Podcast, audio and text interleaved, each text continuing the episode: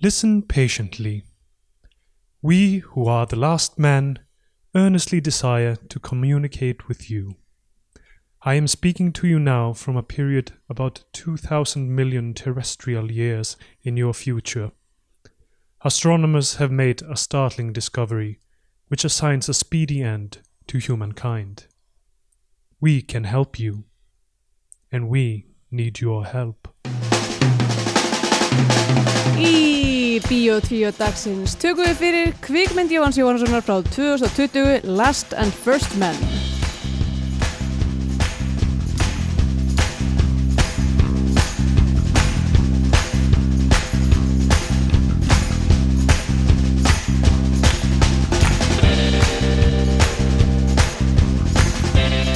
Já, komið heil og sæl og velkomin í klassíst gamalt gott Bíó 2 hlaðvarpið um íslenska kvikmyndir.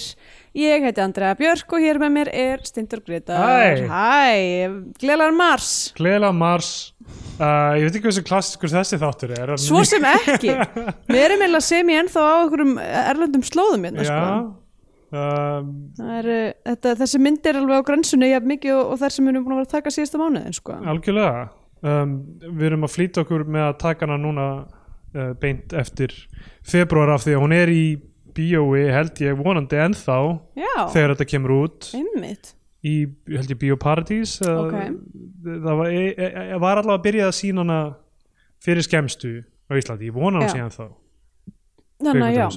Uh, þannig að þetta er svona og kannski bara best að segja strax ég held að þetta sé ekki eitthvað mynd sem maður á eitthvað að setja á heima í og sér á, alls ekki. á tölvunni eða Þetta er-. Þetta er bíómynd. já, þetta er já, mynd sem að maður á að fara í bíó á um, og líka bara þú veist bara gera bara já, sko. hérna þú veist, ég að það sé ágætið sett upp hérna ekki út á það að setja. Já, já, að þá samt hugsaði ég bara eitthvað það væri miklu, miklu meira nett í bíó sko. algjörlega einmitt, við vorum að horfa skjá, í skjávarpa á, skjá, á skjávarpa hérna saman með eh, alveg fínustu hátalara að þú veist hann í sé mm og um, það var stert ég, ég fór að hugsa um ég er smá, bara í smá sjokki eftir þessum mynd. Ok, uh, kannski segja strax bara ef þið hafið tækið fyrir mér finnst það að ég að fara að horfa á hana í bíói.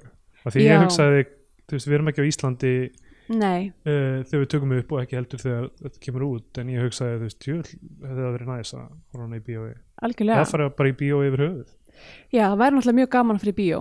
Já, uh, og þeir sem getur það til dæmis á Íslandi endil nýtið ykkur það. Um, ég er náttúrulega ekki búin að fara í bíó síðan bara, ég, er alltaf mjögulega ekki búin að fara í bíó í svona ár. Vá. Ég þú fórst ekkert í sumar eða haust nei, þú fórst nú í, í ammalinu mínu. Jú, fyrir utan ammalið þitt já. þegar við horfum á myndina Hásu já, þegar þú leiðir bíó já, af því að bíóhúsinu voru Já. lo lokuð þá, að nei þau voru opinn? þau voru opin og það var sýningu undan en, en Já, að- en það er eitthvað svona, þú veist, búið að teipa fyrir helmingin á stólunum Já. og eitthvað svona, mann með grímu og eitthvað Einmitt, uh, og uh, það mátti, mátti hafa hálfan sal Já, og þannig að við uh, hálffylltum salin Mhm. og um, já það ég held bara aðlamálið að það var auðveldar að leia bíósal þarna af því að þú veist það bara voru færri myndir til að sína í, í sumar og haust. Einmitt. Og minni aðsókn að einhverju leiti líka. Og við horfðum á uh, myndina Hásu Já. uh, japanska rillingsgaman mynd Einmitt frá hvað, 1970 eitthvað? 70 eitthvað, já. Já, um, mjög skemmtileg. alveg frábær. Um, Já, gaman að gera svona uh, kannski maður gerir þetta bara alltaf í staðan fyrir að halda partí núna þegar maður er gamall. Já, hún er ekki lengur að djamma. Já, uh, Já, það er sko við vorum að klára að horfa myndina. Ég held að það sé smá erum- svona pínu eftir okkur. erfið orka af því að veist þetta er náttúrulega um, mynd eftir Jóhann Jóhansson mm um, sem er uh, ef þið hafa ekki heyrt um þessa mynd hún kom út í fyrra eða þú veist, ég meina hún byrjaði að fara á hátíðir í fyrra. Einmitt rétt fyrir um, COVID og kom út rétt eftir að. Jón Jónsson dó. Og hérna hún sem sagt er uh, skotin held ég, er þetta ekki 16mm filma eða eitthvað sem að skýtur þetta? Jú, hún lítur út eins og hún sé svona mér langar að segja 40 ára gömul. Já.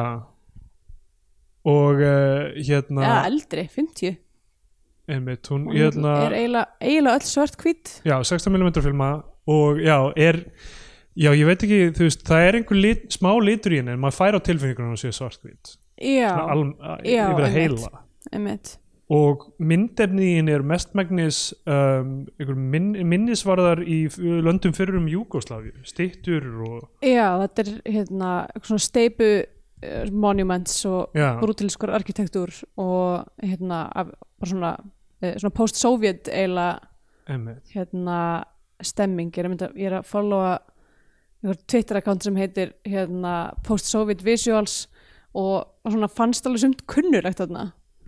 Já, þetta er örgulega eitthvað, eitthvað þekkt sko. en svo líka, já þetta, er, en rauninni, þetta á alltaf að vera svolítið svona án samhengi, svo að fyrsta sem ég hugsaði að því að ætlum bara að fara alveg út í það þá er all, þessi mynd er hvað svona klukkutíma og einhver- einhverjar Já. mínútur einhverjar nokkar klukkutíma kling. 70 mínútur. Já, eins uh, og eitt sjónvastáttur já, einmitt. Í, í Mjög skrítið þegar Jón Jónsson kom alltaf í mynd og drakk ógeðstrykk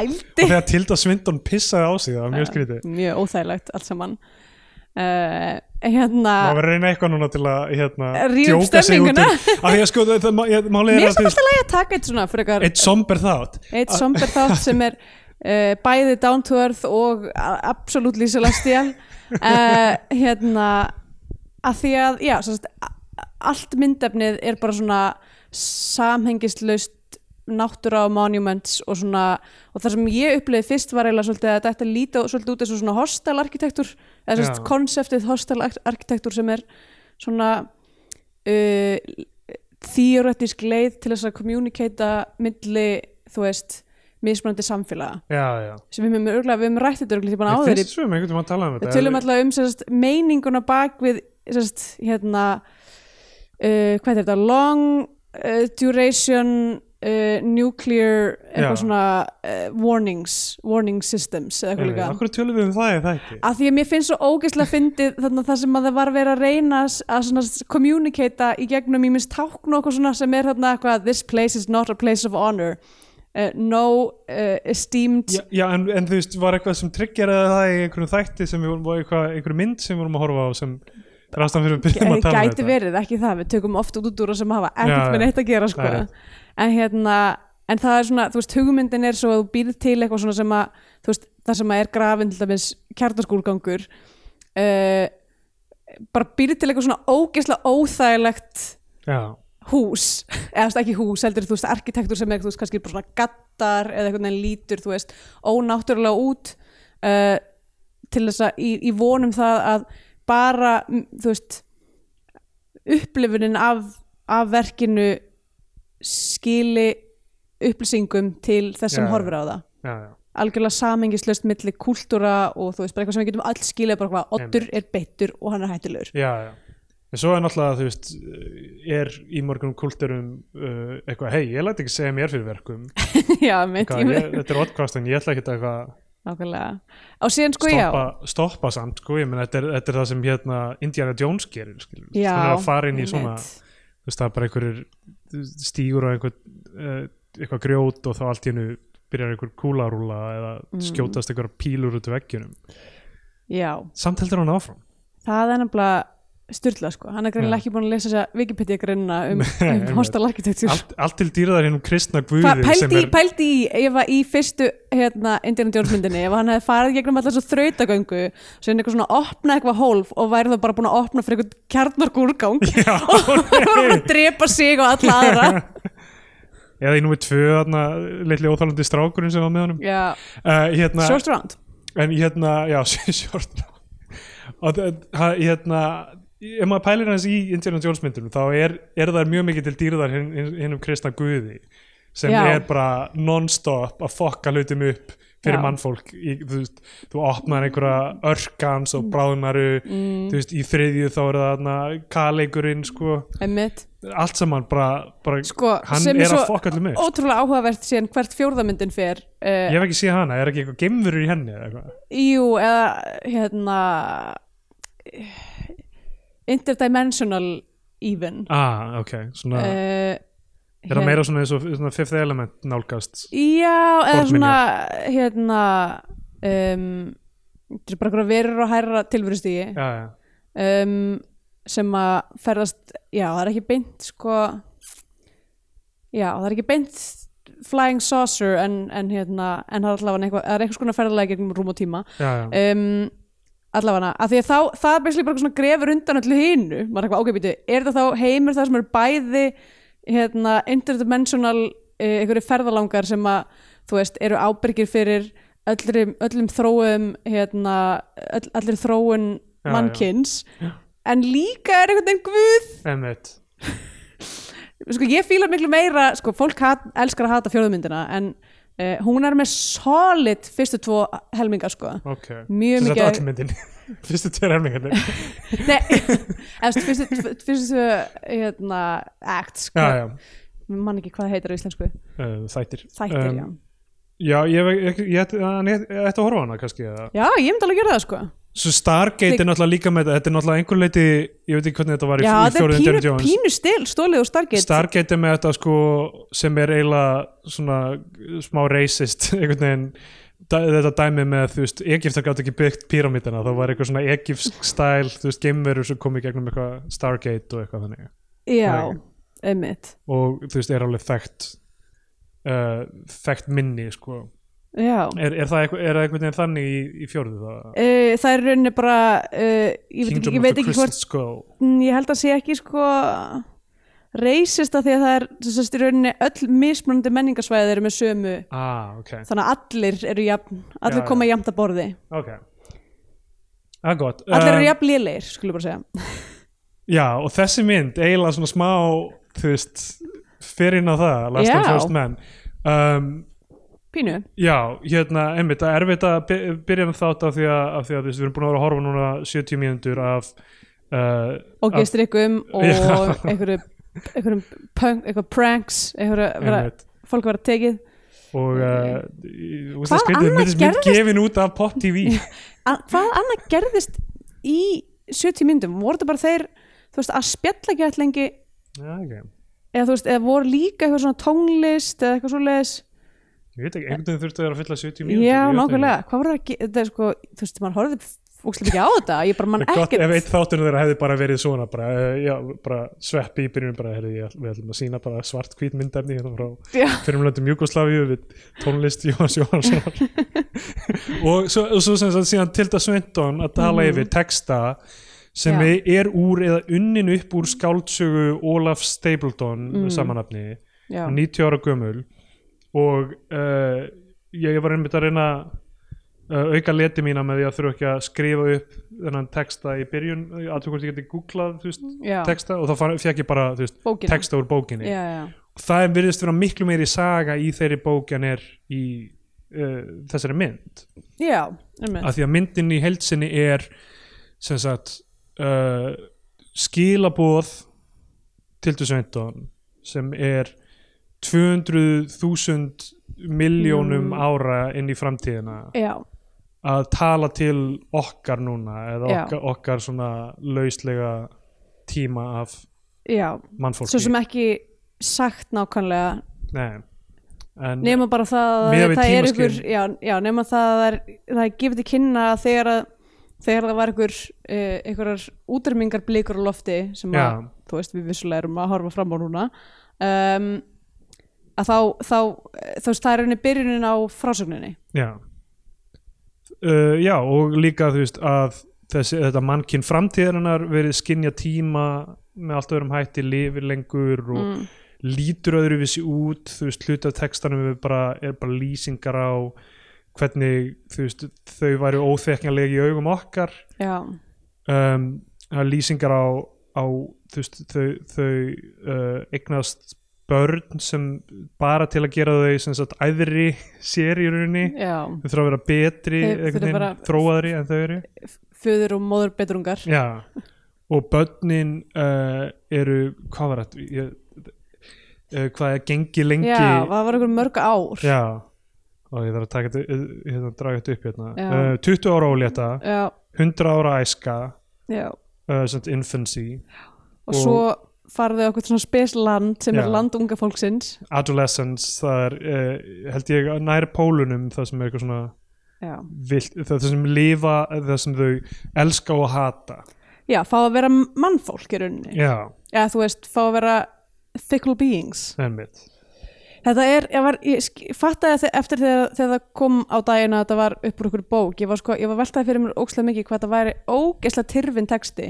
Já, sem að þú veist í hérna bara að því hann er líka uh, þú veist lesin upp svona dispassionately eiginlega, að þá stundum fannst mikið eftir erfitt að fylgjónum var eitthvað manifold effect of its own folly. Eitthvað, maður er eitthvað, hvað erum við eftir að tala um núna? Já, mér fannst það samt, mér fannst hann ekki virðast uh, einhvern veginn uh, uppskrúfaður samt, þú veist, í flutningnum einhvern veginn og Nei, nei, í takt við hvað þetta var, ég, þú veist, kannski ef þú lest þetta á blaði einhvern veginn og, og bara er, þetta er ekki sammikið við myndina þá, þá gæti hann verið full háflögur á köflum.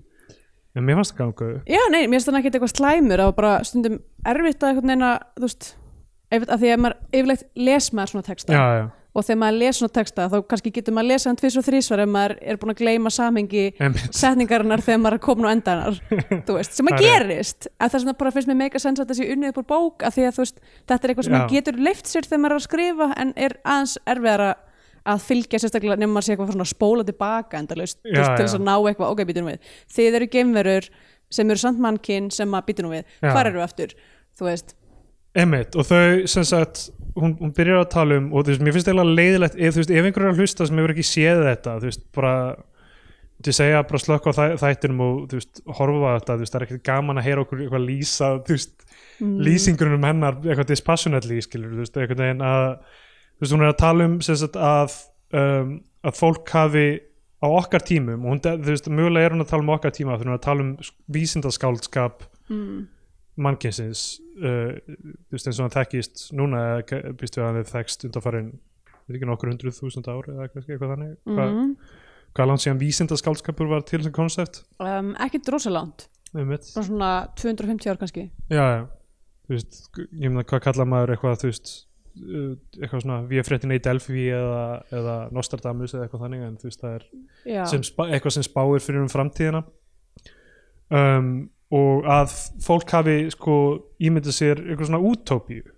Mm að þú veist, þess að við sjáum fyrir okkur að framtíðin bæri skuti sér eitthvað skonar Já. útvíu mér finnst þess að við kannski tala um þetta í þættinum en veist að, en vísindaskálskapur nútidags er mest svona dystopía. Er, það er miklu meira um það í dag. Við sjáum fyrir okkur framtíðina sem einhvers konar svona þú veist, ég minna eins og bara Mad Max Fury Road veist, og Mad Max allt saman er þú veist, eitthvað svona postapokalyptist já, það er hérna um, auðlindaskortur í rauninni mm og svo er það þú veist Terminator þú veist sem er þú veist vélarnar taka yfir uh, þú veist það er, það er eitthvað svona uh, AI einmitt, gone wild. Og svo þú veist annar sem er mjög heitar spól ég kefti þessar spólur alltaf AI gone wild sko. Fullt af velmunum sko bara í Miami að rífa sig úr ofan. hopp í sundlegar já. Já. Uh, já og hérna myndi segja meira frekar fleira en færra sem er þú veist. Mm auðvitað skiptir máli að hafa einhvers konar konflikt í sögum af framtíðinni ef það eru síndar sem eitthvað svona eitthvað kvikmyndi til dæmis Mhm. þannig en, en það er þú veist kannski Hers komist næst í undanfærin áratug eða svo já, sko ég held samt að þú veist vísandi í, kannski, já, vísandi að skáldskap en ég held að hún hafi ekki sagt sko skáldskap í rauninni reynd út að því ég held að það sem hún var meira að vísa í er þú veist þessi ímyndun eða? Já, þessi ímynd mannkins um framtíðina sem, þú veist progression í rétta átt. Já, já, þú veist, sem að er, hef, meirhlutu 20-aldarinnar uh, var, Algjörlega, þú veist, já. fólk var bara eitthvað í 70-sinu bara, svo var við í fljúandi bílum þegar þú ert orðin fullorðin, eitthvað þú veist, það dæmi, einmitt og síðan, síðan gerist eitthvað það sem það bara þú veist, svo von hverfur sko. Já, bara challenge is the sister já. Já, já, ég meina fyrir okkar, okkar kynnslóð og, og zoomers þú veist, er Mm. það hérna, hamfara línun og já, og ég meina, ég alltaf núna, þú veist, COVID skilur þú veist, það er rosalega erfitt að hérna, að ímynda sér framtíðina þú veist, að því að við erum náttúrulega ekki tilbúin að sleppa tökum á á hlutunum sem vera tortíma okkur einmitt. Um, og það er ákvörðun sem þarf að taka kollektíft en ekki veist, eitthvað sem einstaklinga geta gert. Nei, og, og uh, við höfum ekki struktúrin til að gera það eins og er. Það er þú veist það sem að ég held að punkturinn í þessari mynd sé að því að þannig erum við með og ég sérst í þessari pælingu þá sérst, byrjar hann á að gefa okkur kontekst með því að segja veist þegar tortíming gerðarinnar verið yfirvóndi að þá voru margir sem sögðu bara hei, fucking bara ríðum og drekkum og höfum gaman þá til að þetta er búið. En svo varð einhver hugafarsbreyting sem allir því að, að mannkynna ákvaða að setja alla sinna vinnu í það að búa til nýtt mannkyn sem gæti ferðast uh, á aðra Já. plántu og haldið partínu gangandi. Já, blossa filosófíun Já, emitt og hérna uh, og hún er sem sagt röddin er uh, átján tegundum setna að átjönda kynsluðin sem býr á Neptunus já, þess að uh, að iterations er held ég orðið sem hún notaði.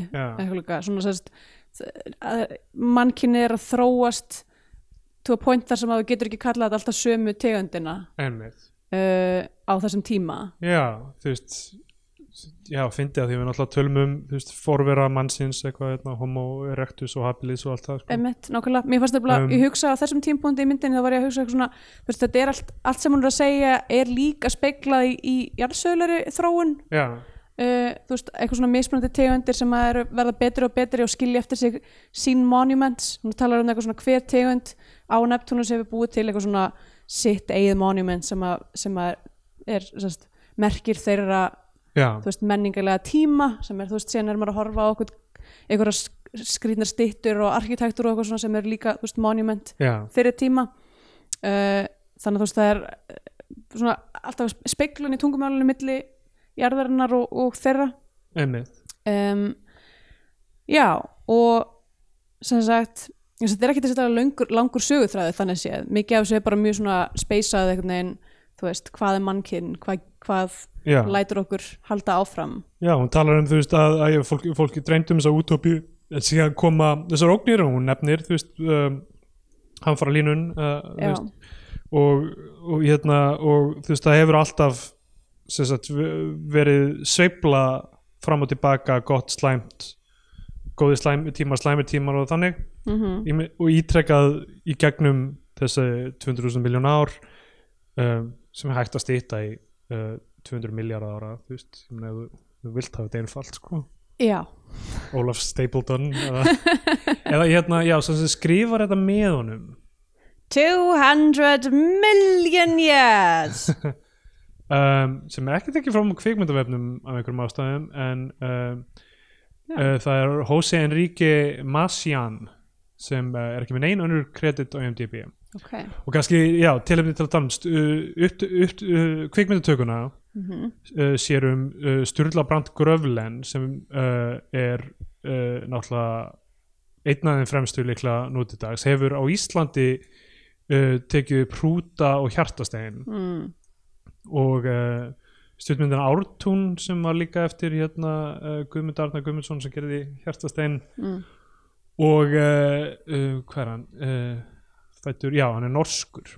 Já, og uh, hann uh, sem sagt tók upp Victoria hérna Já. þýskumyndina. Sem er ein taka. Eintaka sem er alveg um, frekar mikið afreg já, náðu hérna, ger, tók hann upp þrísa sinnum. Og hérna um, höfðu held ég bara budget í eitthvað gera þetta þrísar eða aðeins. Og ég mæli með þeirri mynd Victoria hún er hérna mm. uh, flott, eiginlega betri en, en þess, þetta, þú veist, þetta koncept með ein, eina töku er náttúrulega, þú veist, ákveði gimmick en, en mér finnst það þjóna myndinni frekar en að, en að, hérna, en að vera það sem myndi snýst um. Og hann, hann tók upp Another Round eða Drukk. Drugg sem við horfum á um daginn. Já, við horfum á hana saman uh, Mads Mikkelsen, hérna, Thomas Vinterberg leikstýr mynd, já, þannig að þetta er mjög áhörur uh, kvikmyndutökumæður og veist, skotin eru náttúrulega í rauninni bara veist, þetta er mismunandi perspektíf á stýtturnar, stundum Mhm. þröng skot, stundum víðskot, stundum hreyfing á þeim. Mm um, stundum einhvern veginn vera að trakka eða eða eitthvað inn og eitthvað, eitthvað sem ég kann ekki að nefna. Já, uh, en þú veist, stýtturnar verða náttúrulega að einhverju allt öðru já, í, út frá sjónarhóttunum. Ok, þú veist, fegstu á tilfengunum þetta væri þú veist, landslægið á Neptunus þá, eða, Ég fór fram og tilbaka já, sko. ég líka nefnilega. Uh, og ég held að mögulega sé það bara partur af þessu er að þú veist, maður er að spyrja sig þú veist, hvar eru við? Já, um, en þetta er allt svona þú veist, það er helst engir referensar sem að segja mann eitthvað hlutin stórir, ég það var tímbilda sem ég var eitthvað svona, hm, kannski eru eitthvað þessum skotum þú veist, litlir hlutir. Já, já, uh, bara svona eins og sci-fi hefur gert í fortíðinni með uh, litlum, setjum litlum settum. Já, svona Eh, model og, uh, módelum og, Já. mitt. Eins og, hérna, Matti pa- paintings. Það muni aldrei, já, matte paintings. Ég það muni aldrei, hérna ég núna er ég mögulega að fara að eðalega þetta er samt þetta, eðalegur ekki neitt en hérna uh, fyrir þá sem eru aðdættur Blade Runner að þá er, var hérna módel af hérna Millennium Falcon notað í eina af byggingunum Ó, í vá. borgarsernum þannig að maður er eitthvað svona að trakka í gegnum einhverja, einhverja, eitthvað borgar, borgarlandslag og ef maður veit hvað þetta er þá bara sér maður mjög vel fálkan Vá, það finnst ég já, það var hérna hvað, ég, já, ég man ekki hvort það var þú veist, Ed Wood eða eitthvað hérna, eða hérna Plan 9 from Outer Space það sem er svona fullt af einhver svona drasli nota mm. Það var eitthvað sem ég var að horfa um daginn sem var eitthvað svona svo snildalega leist en það var bara eitthvað algjör drusl sem var notað í megaði sens og af því að við nefnum House House sem er mjög sk- skemmtilega pælingar með uh, matte painting. Af því að þú veist, í sumum skotunum er það bara, þú veist, er, þú veist sjáum við karakterina fyrir framann eitthvað sem er þú veist, landslag og er augljóst og síðan Já. er þú veist, uh, víðara skot og þá er það bara strætóskíli eða þú veist, einmitt eitthvað svona það, eitthvað sem, og e, gera það alveg viljandi sumt er, þú veist, sumt sér maður bara eitthvað svona þetta landslag er þetta, er, eða, þú veist, þetta sólalag er málað Já, einhvern já. veginn, sem, og það er ekki eins og verið eitthvað að reyna að feila það neitt sérstaklega mikið ég veldi fyrir einhvers mikið þetta er nota nú til dags af því að þú veist, núna er örgulega auðveldara eða þú veist, Já. kannski einhverju leiti glötu list en örgulega meira gert af þessu en maður veit að- að að byggja módel og gera mat uh, málverk en, en hérna af því að allt er leist með uh, CG bara Einmitt. þá þá uh, og hérna ég meina það er náttúrulega þá fullt af kvikmyndagjara mönnum sem vinna með veist practical effects og vinna með uh, að skjóta filmu í staðan fyrir digital og eitthvað og Mm. þú veist og hugsa þetta þannig og það er svona það sem er gaman að sé þessa mynd af því að veist, í fyrsta lagi að því að við erum að tala um íslenska myndi náttúrulega lítur hún ekki út eins og neinanur íslensk mynd. Nei, einmitt. Bara ekki neitt. Og að hvað var það efnistök uh, ég meina, er, er einhver sci-fi mynd sem nei, einmitt, eiginlega ekki sko. Eða þú veist, Frost náttúrulega er sci-fi mynd. Var það var það, var það, var það sem hún var um eða? var ekki eitthvað hvað, ég man ekki hvað er að drepa þau í frost. Það er það er eitthvað, já, er það eitthvað að eitthvað gemuru for, force eitthvað inn í, inn í frostinu. Minnir- ætli ef hún rétt. ekki það hún endaði svo, hún var svo endislegt og skrítin að það er þetta hendur eru það. En, hérna, þessi en það sem er eiginlega svo nett við þetta er að þetta er samt, þú veist, hlutir sem er attainable af því þetta er basically bara lo-fi, sci-fi. Algjörlega. Og hérna, einmitt gaman uh, þú veist, af því að þetta er ok, se- 16, það er ekki allir með 16 mm kameru, whatever, skilur, það er ekki allir Jóhann Jóhannsson að geta gert stórfenglega kveikmyndatónlist fyrir myndina sína sem bara, þú veist, ég meina án þessara tónlistar þá væri, þú veist, já, hvað væri þetta þá? Þú veist, hvað þú veist, hvað væri, þú veist, það er ekki hægt að byrja þessa mynd á þessara tónlistar, skilur, og hann leikstyrir þessu og hann gerir alla tónlistina mm sem er náttúrulega sjálfgæft og þú veist, ekki margir gera nema, þú veist, Carpenter og einmitt. sem það, hans myndir er ekki öll tónlist uh, en og í rauninni magnaða þú veist að hérna Sia reyndar var að gera já, við- ekki fara við sem ekki dýja okkur það, þann, þann drullupoll Um, en hérna en þú veist, að vera svona magnaður tónlistamæður sem, þú veist, og við höfum kannski ekkert eitthvað mikið talað um hann hérna, því að hann hefur ekkert eitthvað gert hann hefur meira verið að gera eitthvað á erlendi grund kannski en á Já. Íslandi sem, sem svona um, Já, en margt eiginlega samt sko í þessu ef maður ætla að fara eitthvað svona í sci-fi kannuna þá náttúrulega er margt í þessu minnir á til dæmis Arrival. Já, um, en náttúrulega Arrival líka þú veist, þetta er náttúrulega líka einhvern veginn svona þú veist þessi hugmynd um steipuklumpa þú já, já. þú veist, ég Rendezvous drama og þú veist 2001 A Space já, Odyssey. monolithin þar og um, já, en ég, ég ætla að segja með tónlistina sko, er að, hérna, að þú veist, í rauninni magna að fleiri uh, tónlistamenn sem vinna á þessum skala gerir þetta ekki. Ég, það, gerir stöðru hverju sko, Mm. en þú veist, ef þú ert svona mikill þú veist, listamæður þú veist, að, gera kvikmynda sko visual verk í kringum það. Að því að- gera það á tónleikum sko, já, einmitt, Oft. nákvæmlega. Sem Ég svona sko- bakgrunn. hérna ætla að veiða núna upp úr hætti mínum orð sem við höfum notað nokkur sem lögum sem þetta og Mm, mér, ég var alltaf, mjög gaman að mér finnst ég, þetta, ég veit hvað það er. Veistu hvað þetta er? veistu, ég var að segja á saman tíma er gesandkunstverk já, hérna er að þú veist, mér, ég upplifið þetta, þessa mynd ekki 100% sem bíómynd sko.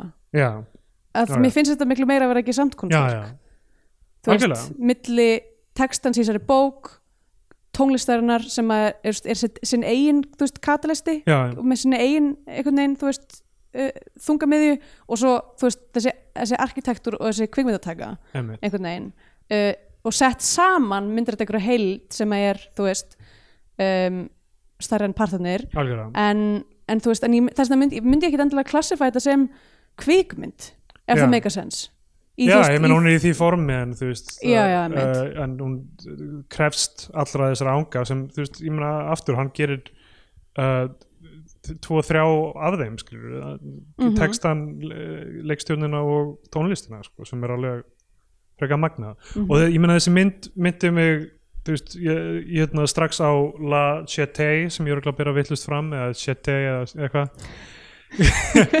sem er hérna um, stuttmynd eða hún er þú veist eitthvað svona hálftími ég horfði á hana með uh, Jóni hérna, Já. kjærstan þínum um daginn. Uh, kom út 1962 eftir Chris Marker uh, uh, hvernig sem maður ber það fram. Frönsk mynd. Ég veit ekkert hvernig neitt er búið fram. Ég veit ekki hvernig þetta er búið fucking frakkar maður. Hvort Chris Marker sé, þú veist uh, hann var franskur þannig að það eru eitthvað svona Marker. En, en svo mynd sko kom út 62 og var mjög áhrifarík uh, í vísandaskálskap og hún Mm. er bara uh, ljósmyndir sko. já, hún er í ok. rauninni mjög svipuð þessi af því hún er bara still images en þú veist það er reyfing á þeim ok, og þú, þú veist klippingin er hraðar enn í þarna og eitthvað svona Mhm. en hún er leikin á því litið til að, að við erum með leikara sem uh, si, sitja fyrir á þessum myndum og hún fjallar líka um, um tímaflakking einhvers eðli þess eins og þess, þessi gerir uh, að, veist, að einhverju leiti og, og arrival þegar maður að fyrst þú nefnir það þá, þá, þá er hún náttúrulega líka það. En hún er, veist, við erum með hérna, narrator yfir þar sem við erum að horfa á mann sem er að fara í gegnum Narrator. Matador Já. El narrator Tilda, Tilda Swinton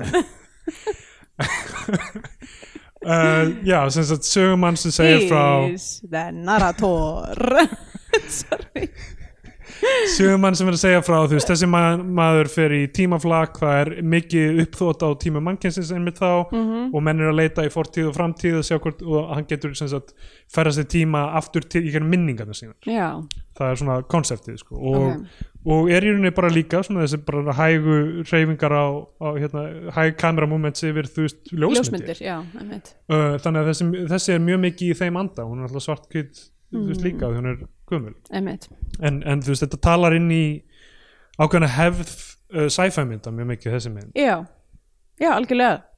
Og fattar er líka eins og Fantastic Planet þarna, franska teiknimyndin þarna, með bláu köllunum Já, einmitt uh, sem uh, er líka, hún er rauninni bara svona hérna sjáum við bláu kallana og hvað, ég man ekki hvað er veist, Já. hvernig, hvernig þeir lifa og eitthvað svona, Einmitt. þú veist, það er bara verið svona kynna mann fyrir uh, einhverjum svona og og sem næsti hluti sem við erum að fara að tala með þessari myndi er að kynna okkur fyrir hvernig er mannkynnið eftir 2 miljardar ára Já, einmitt eða 200 miljardar Hva, ára Hvað hefur breyst og hvað er eins?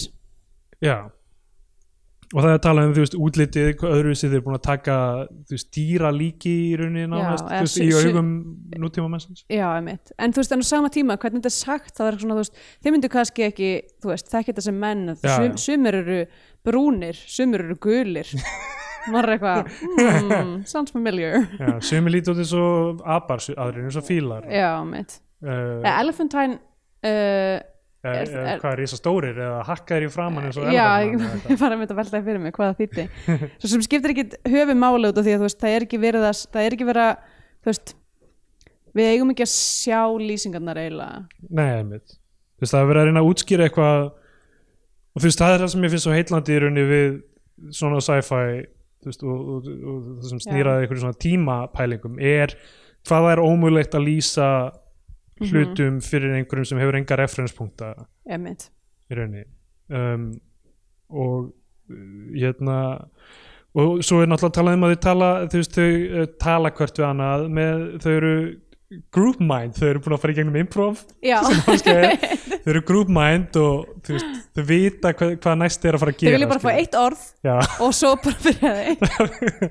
Og svo þú veist yfirleitt þú veist oft er það vel hefna en ekki alltaf já en þegar það gengur upp hjá þeim þá er það algjörir töfrar eru, sérst, þau eru búin að ná ykkur stí af telekinesis. Uh, og hérna og eru sérst, þessi pæling með að, að sérst, börnin fara á sinn stað og eru í hundrað ár að ná ykkur svona andlegum þroska til þess að geta tekið já. eða þúsund ári eða eitthvað líka. Já, já, ég held að það sé eitthvað 100 ára æska og síðan eru þúsund ár í sem sagt, ad- adolescence Já. og einhverju, Einmitt. þannig að hérna, áður en þið geta náð þú veist þessu leveli af uh, upp, upplýsingu eða uppljóstrun eða þess að koma að kalla þetta uh, vitund einmitt. til þess að geta verið sem sagt partur af þessu samfélagi um, sem er þú veist að því að, að því að pælingin er bara svona veist þetta er, þetta er alltaf fram og tilbaka einhvern veginn veist þróunin gerist í litlum skorpum Já, og þú veist við erum komin á þennan stað en að samt að mörgu leiti líkt og bara hjá okkur. Veist við eðum okkar 20s og 30s í ykkur rugli og svo þú veist er maður eitthvað svona aðeins heilst eftir einstaklingur vonandi og þetta er þú veist. að bara að vera að lýsa einhverjum veist, skala, bara það stærri skali á svipuðum hlutum í rauninni. Einmitt. og þú veist það er hægt að líta á þetta group mind sem einhvers konar svona empathy eða, eða þú veist Mm einhver, eða bara þú veist, þau tala um, um sko að hérna þau séu líka í rauninni ódöðleg þannig séu, sko. Þau veit ekki betur í rauninni en þau Einmitt. séu ódöðleg þú veist ódöðlega þarf að segja það er hægt að drepa líkamanna þeirra Já, en þau degi ekki af elli. Allavega hvernig ég las það. Já, já, saman er. Og uh, byggingarnar sem þið reysa eru þú veist af slíkum skala og þú veist að þær fara út fyrir lo, hérna lofthjúpin Já. og, og eru þú veist óþekkjanlegar mm fyrir o- okkur skilur við Já. og hérna ég meina gaman að hugsa um þetta líka út frá þú veist bara hvernig mannkynni hefur umbreytt jörðinni þú veist mm gagvart dýrum eða þú veist eða hvernig ég meina okkur líður þegar eða ég segi okkur en þú veist því mannfólki sem fer út í game eða James Já. Cameron að dundra sér niður í Mariana Trench. Þú lætir þetta hljóma eins og, eins og að Biss hafi verið bara eitthvað svona heimildamind sem hann gerði hann hafi dundrað sér ofan í Nei, hann fór niður í, þarna, hann fór með einhverju svona submersible eitthvað hann í, er það? hann í dýfstu þarna Já, alveg eins djúft og hægt er að já fara. nefnilega, hann gerði þetta í alvörinni sko. en ekki til þess að taka upp þessu Nei, mynd. nei. hann bara gerði það af því að hann er styrlaður einstaklingur. Já, já, hann fekk að vera í einhverju svona submersible. Sick. Um, og uh, ég, ég á maður að sjá The Abyss, ég hef ekki séð hann já, mér er svona æðisleg. Ok, það er smá svona, ég ætla, ég ætla ekki að fara að útskýra eftir, ég vil ekki, ég ætla ekki að hérna, hérna uh, eðalegin eitt en, uh, en allavega fyrstu tvö aktin eru, þættirnir eru solid fyrstu stuff. tve- tveir helmingandar myndir eru góðir Eða, veist, ok. ég fíla endin en ég er líka bara ein mannskja og hef þá já, skoðun. Ok, hún er, já, ok. Um, Já, ég hef bara ekki pælt í þeirri mynd bara ever, um, Já, maður hefði að sjá hana. Pældi, pældi ef hann reynir að gera alla hlutina sem hann hefur ge- gert sem leikstjóri, þú veist, hvað ef hann tekur risaskip og siglir í á ísjaka bara til þess að upplifa bara, sem- bara sem eitthvað skona research. Já, býr til vélmenni sem reyna að drepa Þýðir sig reyna að drepa býtu því það að núna því að við erum búin að býða ansi lengi eftir þessum avatarmyndum Já, já, að hann er bara bóstalega búin að vera á leiðinni til þessar plánutu. Hann er búin að reyna að ná þessu unobtainium.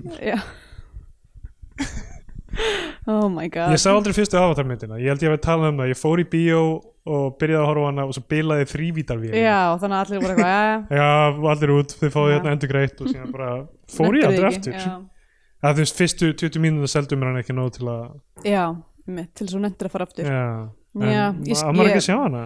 Ég sko er, ég er alveg hérna, vissum að þetta eh, þetta ég meina það er ekki komin meir en áratugur síðan að Avatar kom út.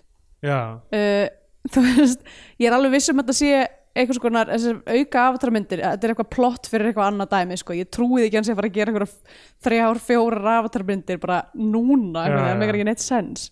Er ég bæði vegi, þetta, hérna, þetta sem hann fór hérna, niður í uh, hafið á James Cameron, hétt Deep Sea Challenger. Já, vá. Svona eitthvað öfugt við Challenger Skrítið samt líka að skýra það eftir, þú veist, er það ekki svona pínu jinx? Einmitt Svo næst, næst þú veist, hvert vera næst og það mun skýra það Titanic sko. Já, uh, Allavega. já, já, einmitt, það er verið að lýsa þessu manginni framtíðarinnar Mhm. og það er hluti af því sem eru kallaðir navigators Já það, er, það er búið að áður en að við byrjum að tala um það að tala um eitthvað svona, eitthvað, basically bara eitthvað individualism is so over like Já, já. so over, bara eitthvað, við erum öll bara eitthvað, við notum ekki eins og tungumál lengur, við erum bara eitthvað saman í einhverju hæfmændi og það er bara geggja nett. Nema svo eru svona einhverjir svona navigators sem eru einhverjir sjómenn sem eru einrænir og skrýtnir. Mm. um, af því þeir eru aldrei, þeir eru svo lengi utan hæfmændsins. Eða sérst telepathy er svona eins og wifi þú veist, það ákveður range. þeir eru bara að flóta ekki- ballarhafi. Uh, já, og þeir eru eitthvað svona simple fólk Já. Uh, og þú veist, bara, þú veist, ef við höfum ekki verið skýr með það, við erum ekki að sjá neitt af þessu fólki. Nei, það er bara verið er að tala um þetta. Það er bara í rauninni verið að sína okkur þennan arkitektur. Já, en mér finnst ég sjá andlit já, já, það svo, sérstaklega þegar sko. byrja að tala um fólki sem samfélag og þá byrjum maður að sjá þú veist, skuggamyndir af, af andlitum í, í já. og svona. Uh, ég held að það er meðvitað gert sko. Um, en hérna ég man ekki á hvaða tímapunkti það er, þú veist, það er búið að tísa því basically í byrjuninni eitthvað svona, það er eitthvað hræðilegt að fara að gerast. Já, já, og við erum að að hafa samband við ykkur út af því. Og svo sérst, fyrir að fjalla um þessar navigators og þeir fara í eitthvað svona uh, deep space voyage. Já. uh, verð, verða fyrir því þeir sjá að eitthvað stjarna er að líklega að breytast í supernova.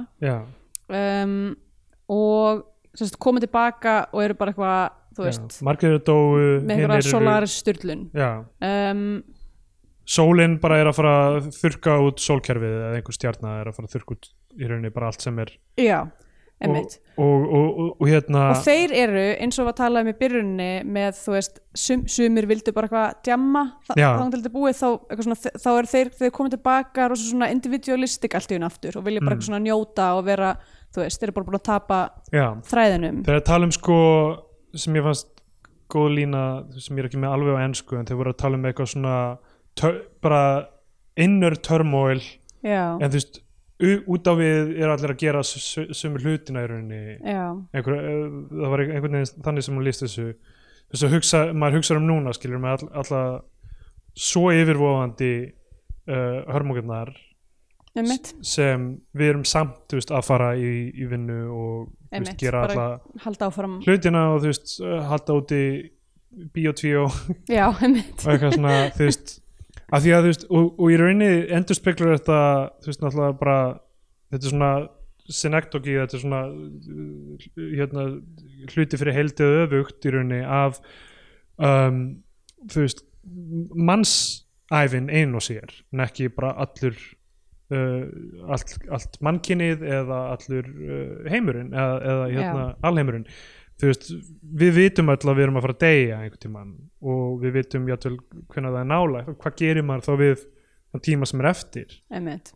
Um, og hérna þú veist sem er eiginlega einstæðsta spurning, spurning náttúrulega margæsins og, og, og listar þa þar með Já. skilur við um, já, þú veist hvernig, hvernig hvernig færi maður rök fyrir því hvað maður er að gera það vitandi, verandi líklega eina dýrið sem þú veist veit af endalokurum sko. já, Vonandi. hér.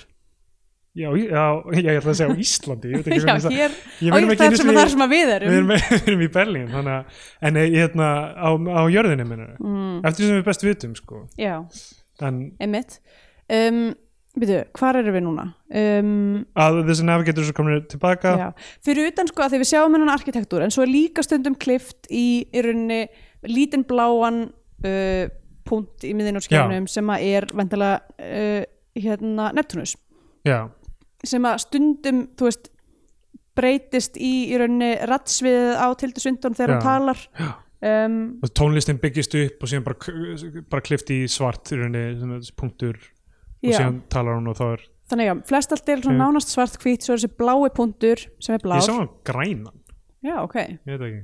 Mm, ok, kannski í sig gæti verið. Uh, en ég allavega gerði ráð ég sá hann bláan en ég gerði líka bara ráð fyrir að hann vera blára því ég gerði ráð fyrir að þetta væri pale blue dot. Uh, nei, nei, Neptunus í rauninni. Já, já, og frá, sagt, frá okkur síð í rauninni gegnum, Já, gegnum sjónauka einhvern veginn. Já, ég meinti svona eitthvað svona reffi í í, einmitt. Um, en já, og já, við sjáum að það, hann svona reyfast eftir þegar hún talar svona, eiginlega ekki waveform en bara þú veist, já, svona Einhver s- viðbrögð. ljós ljósopið hverfist eða eitthvað líka. Um, svona hal í, í, í hérna, þessu eitt líka. Emmitt, nákvæmlega. Hérna, já, allavega og uh, þá sagt, komum við að í rauninni punktinum af hverju við erum, að, af hverju við erum að hlusta á þessa rödd.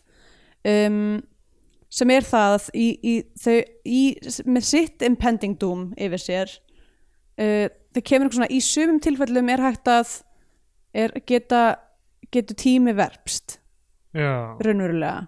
Sem sagt um, í bara, ég veit ekki, ímynda með það er alltaf ekki útskýrt vísindin bakvið það en eitthvað svona í eitthvað svona space time eitthvað svona su- sumir hlutir uh, eru sagt tengjast eitthvað svona kosmíst og þú veist og þessi skilaboð tengjast ykkur kosmísk já hún segir sko, þú veist, við höfum alltaf geta bara séð alla söguna Mm. bara, þú, þú veist, þetta mannkinn þetta getur séð bara flett upp í fortíðinni í rauninni og verið Já. með þeim á hvaða stundum sem er.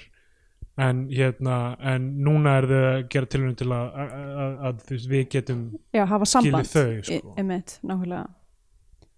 Um, um, til þess að segja basically uh, ekki gefast upp. Já.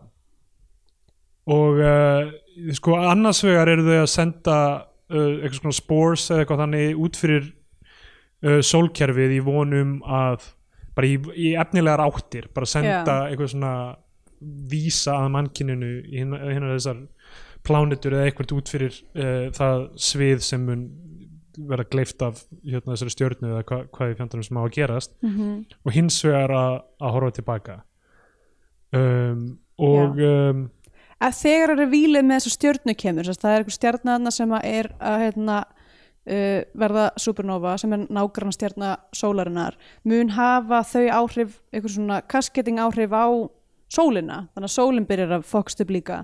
Og þá fáum við sko eitthvað svona raukt uh, þá, þá kemur eitthvað svona, an, já, eitthvað svona Já. rauður hringur sem að stækkar og, og hverfist og eitthvað.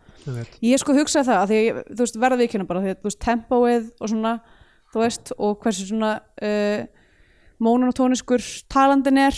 Já, að þú veist, ég var svona á moment þar sem ég var eitthvað svona úf, ah, kannski líka bara því við erum að, þú veist, í lok vinnudags en ég meina fólk horfir yfirleitt á bíómyndir eftir vinnudag, þannig að þú veist en veist, mér, það, mér fannst mjög gott að það var svona smá einhvern veginn svona uh, orkuskipting Já, já. með þessar, þessum rauðar hérna hring og í rauninni ef, veist, ef það verið eitthvað sem ég ætti að setja út á þessari mynd þá væri það bara það að það mætti vera þú veist uh, passa upp á orkuna. Já, um, að því að þú veist, já, fyrir fyrir þetta myndefni parað við þennan talanda að þá, þú veist, heldur það manni kannski ekki alveg í, þú veist, 40 mínútur án þess að missa smá orku, sko. já.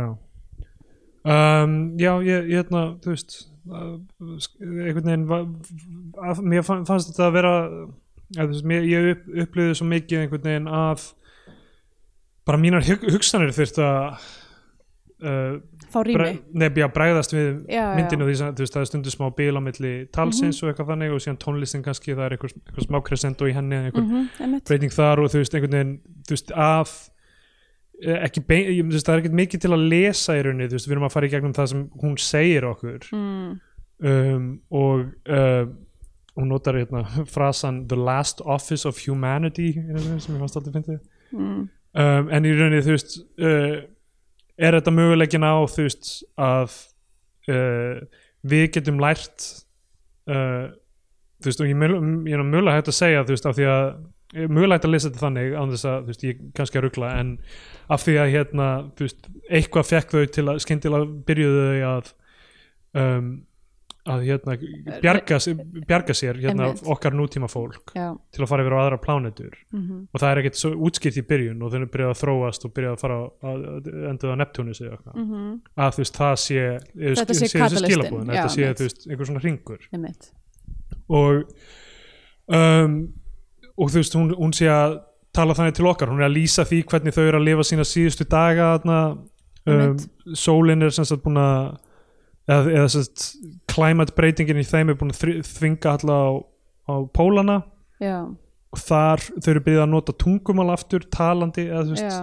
vocal symbolism, segir hún. Mhm, sem við tölum um það í hvað, sí- síðasta eða þar síðasta þætti eða eitthvað, hvað það væri hvað tungumál var hvað verið pyrrandi, skiljur og í rauninni þú veist er hérna þú veist í listsköpun skilur þú veist það er, það er mjög leiðilegt þegar fólk þarf að byrja að reyða sig aftur á tungumál sko, veist, af því að það er svo mikið annað sem hefur áhrif á okkur og, svo, og stundum er, er tungumál bara einhvern veginn sem, eins og brútalisk arkitektur eða þú veist, eða, eða hostile arkitektur í- even.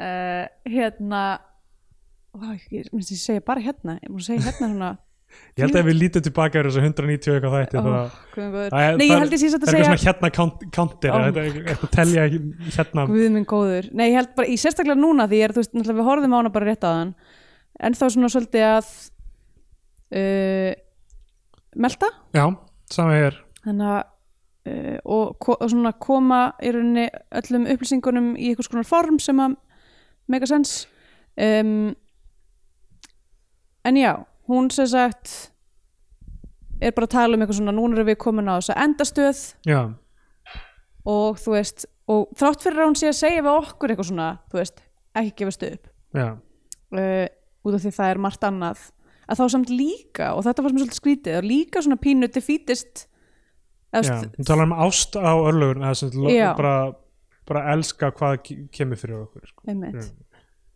og, og, og hérna myndin endar á sagt svona, þeirri pælingu að eitthvað svona að við sem, sko hún talar um hugsun en ekki í rauninni mannkinn á neitt nátt já, uh, að hug, hugsun er fætt af stjörnu og drepin af stjörnu. Já, einmitt. Uh, já. Og þá er myndin búin. Uh, já, ég meina þú veist ég, já, ég held að sé örgulega hægt að já, ég meina það er örgulega hægt að taka þessu sem defeatist, en ég held að þetta sé örgulega eitthvað sem að bara maður þarf einhvern veginn að gera upp við sjálfan sig dálítið mikið um, af því að því að hugmyndin með uh, því að hún sé að tala við okkur til að byrja með er að gefa okkur einhver, einhvers konar kraft til þess að, að lifa af eða en, en, en þú veist mögulega eru örlögin þú veist, eru ekki endilega hvort við lifum af eða ekki þú veist af því að ég meina við erum bara eitthvað samansapna frumum sem Mhm. virkar á einhvern hátt núna en síðan breytist uh, og er búið að breytast þú veist, átján sinnum þarna. Já, að, að þú veist, örlögin okkar eru ekkert endilega þú veist, hvort mannkynnið verður til áfram í sumu myndi eða ekki. Einmitt. Ég hef oft hugsað þetta með sko að því að þú veist, allir svona diskurs um hérna uh, singularity já, sem í rauninni svona eitthvað, ske, eitthvað skeri tilhugsun um að þú veist, þegar það gerist að þá, þú veist, þá erum við fókt eða eitthvað, þú veist, eða þá erum við búin að búa til eitthvað sem við hefum ekki stjórn á, já, já, en þú veist en alltaf læg, en ef maður horfður til dæmis á bara singularity sem, þú veist mann með hlut, já. sem er þá einhvers konar barn okkar Einmitt, þegar, við erum að tala um þegar tæknin nær hérna, þeim stað að hún verður öfluri en mannshugurinn í rauninni gerði Já, greint og, og, og þetta er líka margfeldisáhrifin virðist lókarið, já líka. nákvæmlega, með Já. lókarið sem skali þá, þú veist, mynd, tekur, tekur sá, hérna, móðurbeturungur langt fram úr okkur mjög hratt, sko, já, já. en það held ég sé bara nett, því það er samt, þú veist, Ég með það, þú veist, það er í rauninni Það er að vera nett sko er það óumflýjanlegt, þú veist, ef ég meina, við vitum ekki hvað, þú veist ég meina eins og Matrix, þú veist, ímyndunin Mm. á þessu uh, þar sem er einhver not fyrir okkur þú veist, uh, með einhverjum hætti Mhm. og, og svo er, þú veist, þú er hægt að hugsa þú veist, ef þetta er gerfugreind sem er einhvern veginn búin til af mannfólki með eitthvað ákveðið markmið þú veist, Mhm. er hún misnotuð, er hún rétt er, er, er einhver mistök gerð það sem hún, þú veist, hún hefur ekki sama siðferðis já, stig og við skilur sem að þú veist, til dæmis hör fjallar svolítið um. Um, en þú veist, en engu að síður þá þú veist, þá er, er hún gerð í okkar mynd þú veist um, að þá eins og öll önnu börn þá snýst þetta bara um hvernig maður þú veist hérna ylur hann upp. Einmitt, við erum ekkert að syrkja þú veist, eitthvað neðardals mennina þú veist, Nei. og, og hérna sem við erum víst að einhverja liti komin af. Já, veist, að, veist, það er eitthvað svona það var miklu meira svona inter eh, hérna, miklu meira eitthvað svona kynlíf og eitthvað milli já, einmitt, það eða, er, þú veist, eða kynlíf eða ég veit ekki eitthvað já, það er, það eða er allavega einhver, einhver hérna það er uh, einhverja leifar sko. já, í okkar og DNA þú veist, við syrgjum ekki þú veist, homo habilis eða Nei. hvað það er sko. það er um, þú veist, þannig að maður, þetta, þetta er ákveðin svona bútism í þessum að þau eru bara svona að sætta sig við að maður hefur ekki stjórn á hvern hlutin þið fara einmitt um, en ég held samt, já um, ég upplifði þetta sem sko uh, ef það væri einhver punktur sem að hún var að gefa okkur þessi rödd til það uh, Tilda, um, væri það að uh, sem sagt að maður er sterkari saman í rauninni. Veist, að, að, að það að horfa sjá hel, frekar heildina heldur en part, partana sé þess virði. Og það er einmitt nákvæmlega hvar við erum núna er að við sjáum bara individualisma uh, og það er bara ríkjandi hugmyndafræðin í heiminum í dag. Og það er að drepa hann. Já við þurfum að ná þessu group mind sem aðeins improv 101 getur kent þér.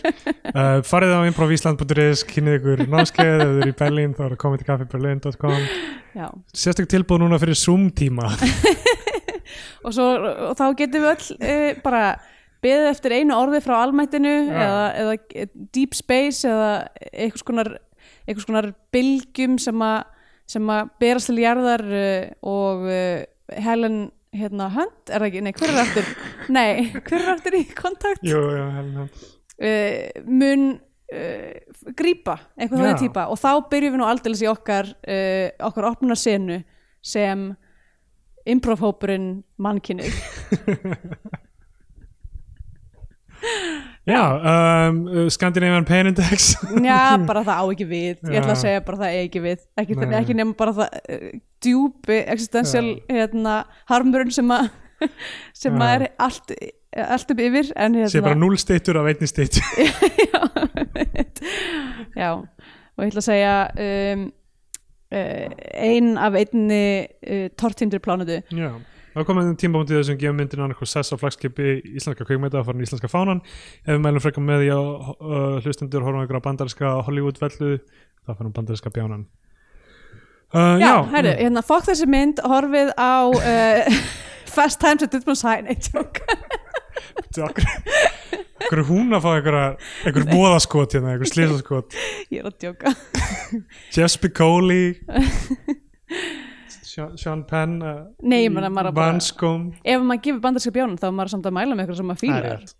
En nei, ég er bara að djóka. Uh, Mér finnst þetta ógsla frískandi og gaman að fá að horfa á svona artfilm, ég finnst gett gaman að hérna að fá líka að horfa á sci-fi mynd af því það er náttúrulega eitthvað sem við hefum ekki fengið mikið að gera.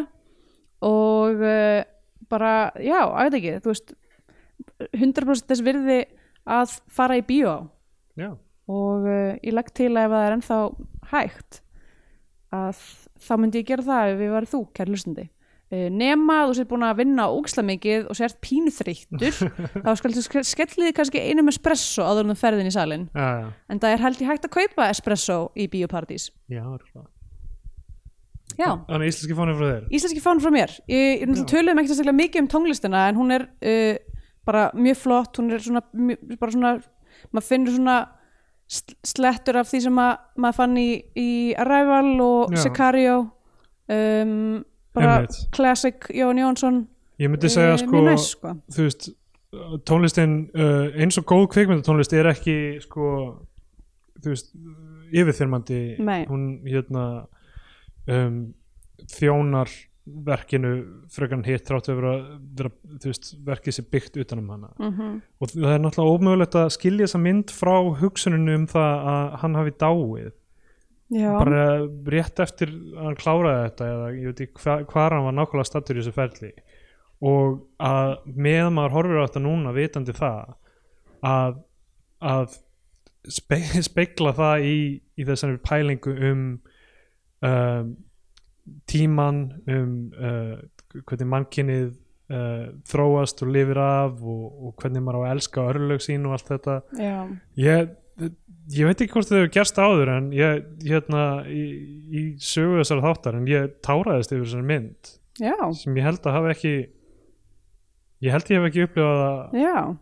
áður, ég meina kannski yfir ég, nei, ég held ég hef ekki einu sem gert það yfir morsögu þar sem ég eitthvað svona var eitthvað á, ég er að horfa á afa minn eitthvað Mm. leika í mynd sem ég finnst góð og hann er veist, uh, hann er í einhvers hérna role of his life sko einmitt. um, en ég held ég hef ekki einu sinni að því að þú veist ég ég kannski, ég kannski græt minna yfir kvikmyndum innmitt undanfærið bara af því ég er búin að vera að horfa svo ógeðslega mikið á þær undanfærið ár en ég bara af því þessi mynd gaf mér svo mikið space til þess að uh, pæla í einhvern veginn dauðanum og, og, og örlöfum mannkynsins og eitthvað svona. Þá, þú veist, var hann undir lokin þegar hún, þegar hún var að tala um um, um, um ástina og, og hérna örlögin og einhvern veginn, þá bara, þú veist þá komst ég hans við, þannig að augljóslega fer hún uh, á íslenska fánan frá mér og bara náttúrulega einn magnaðasta íslenska kveikmynd sem ég séð sko, alveg, alveg þarna á toppnum finnst mér með þessum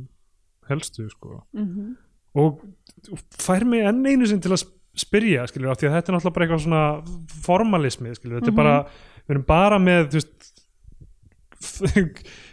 hérna innviði kvikmyndagerðanar við erum með þú veist, tónlist, við erum með mynd við erum með tali yfir, það er ekkert raunverulegt, við erum ekki að horfa á neitt raunverulegt mhm, í rauninni. Og allt sem við sjáum á skjáinum er móta af því að við erum að horfa kvikmynd. Við veltum fyrir okkur af hverju við sjáum þetta sjónarhóttna á hlutinu sem við erum að horfa á sem er þessi stittur og þessi náttúra.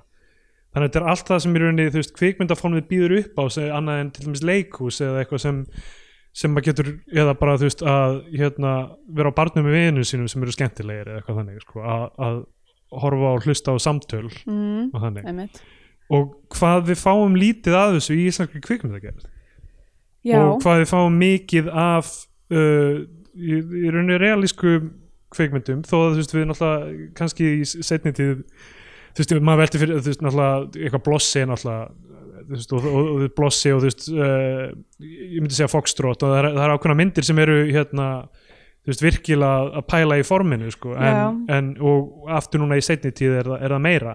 En minnst það rosalega mikið samt bundar í svona klassískari stíl já, sem þessi er alls ekki. Og ég er ekki að segja að þurfa að fara alla þessa leið nei, en bara mikið var ég til í að sjá ég veit ekki, kannski er, þarf maður að vera Jóhann Jónsson til að fjármagna eitthvað svona verk uh, og fá með sér hópin til að gera það sem þú getur ekki gert í gegnum kvikmyndasjóð eða faldi ég að skila inn umsókn fyrir þetta verk í kvikmyndasjóð sem handrita pælingu ég held að sé já. Eða, veist, ég held að maður þurfa að vera einmitt aðeins stærri heldur en heldur en húnna bara einhver, einhver íslensku eða til þess að fá allavega uh, hjálp. Einmitt. bara þú veist, ef einhverju geta þetta þá er það þú veist Ötti og Sveppi og Ofurhugi og geta fyllt þess að 70 mínútur að einhverju náttúrulega nefnum ekki á nafn sko uppröðlu 70 mínútur sem Já, nákvæmlega, voru ekki einhverju aðrir undan nei, 70 mínútur er stopnað af Jóa og Simma Ah, já, hínir Ok. eru bara auka karakterir sem að byrja alltaf að koma meira og meira ah, ok, og þeir tóku, þetta yfir Stjórnuðu þessu ekki á endanum með það? Já, ég man ekki hvernig það endaði sko en náttúrulega 70 mínútur var upprunalega útvarstáttur á Mono sem ég Ah, vaknaði ok. við á hverju modni Tjóðlega það fyndi, ég náttúrulega bara vissi ekki neitt af þessu sko. oh my god um, Já uh, Já, þeir voru bara side, sidekicks og já, Pétur Já. Jóhann var líka og eitthvað. Einmitt. uh, Ok, ég hérna var ekki með Pop TV á því að Af því Já. það uh, við vorum þannig eðilegur fjölskylda heilan já, Já, einmitt. þannig ég sá bara, bara glifs, glimpses ekki það Öðrum. Pop TV var endar opið öllum sko en maður þurfti að finna það Já, uh, við vorum með mjög gamalt sjónvarp lengi vel Ah. og, og hérna, það gekk ekkert skjár einn átti líka þess vegna er þú svona heilst eftir í dag. Annað en ég sem er búin að let, let uh, klámkynnslóðuna eigðilegja mig. Já, ég held hún hafi alveg haft sín áhrif á mig sko. uh, já, ég veit ekki, já, ég hérna já, allavega þá hérna Það er íslenski fánum frá þér? Íslenski fannir frá mér, ég er bara að segja að þú veist um, að horfa á þessa mynd er, þú veist, ég held að örugglega í bíó hefði ég verið ennþá, þú veist, meira Já. t- já, hún hefði haft meira áhrif á Snortinn. mig. meira snortinn, já mm -hmm. uh, ok, uh, er eitthvað fleiri sem viljum að koma fram um, Nei, ok, um, bara hérna uh, reynum að berga sér í heldur fucking plandu og, hætt, og hættum að hára upp í einn raskut Ok, já, við bye! skulum ekki finna nýja Að lifi heldur- sósialismi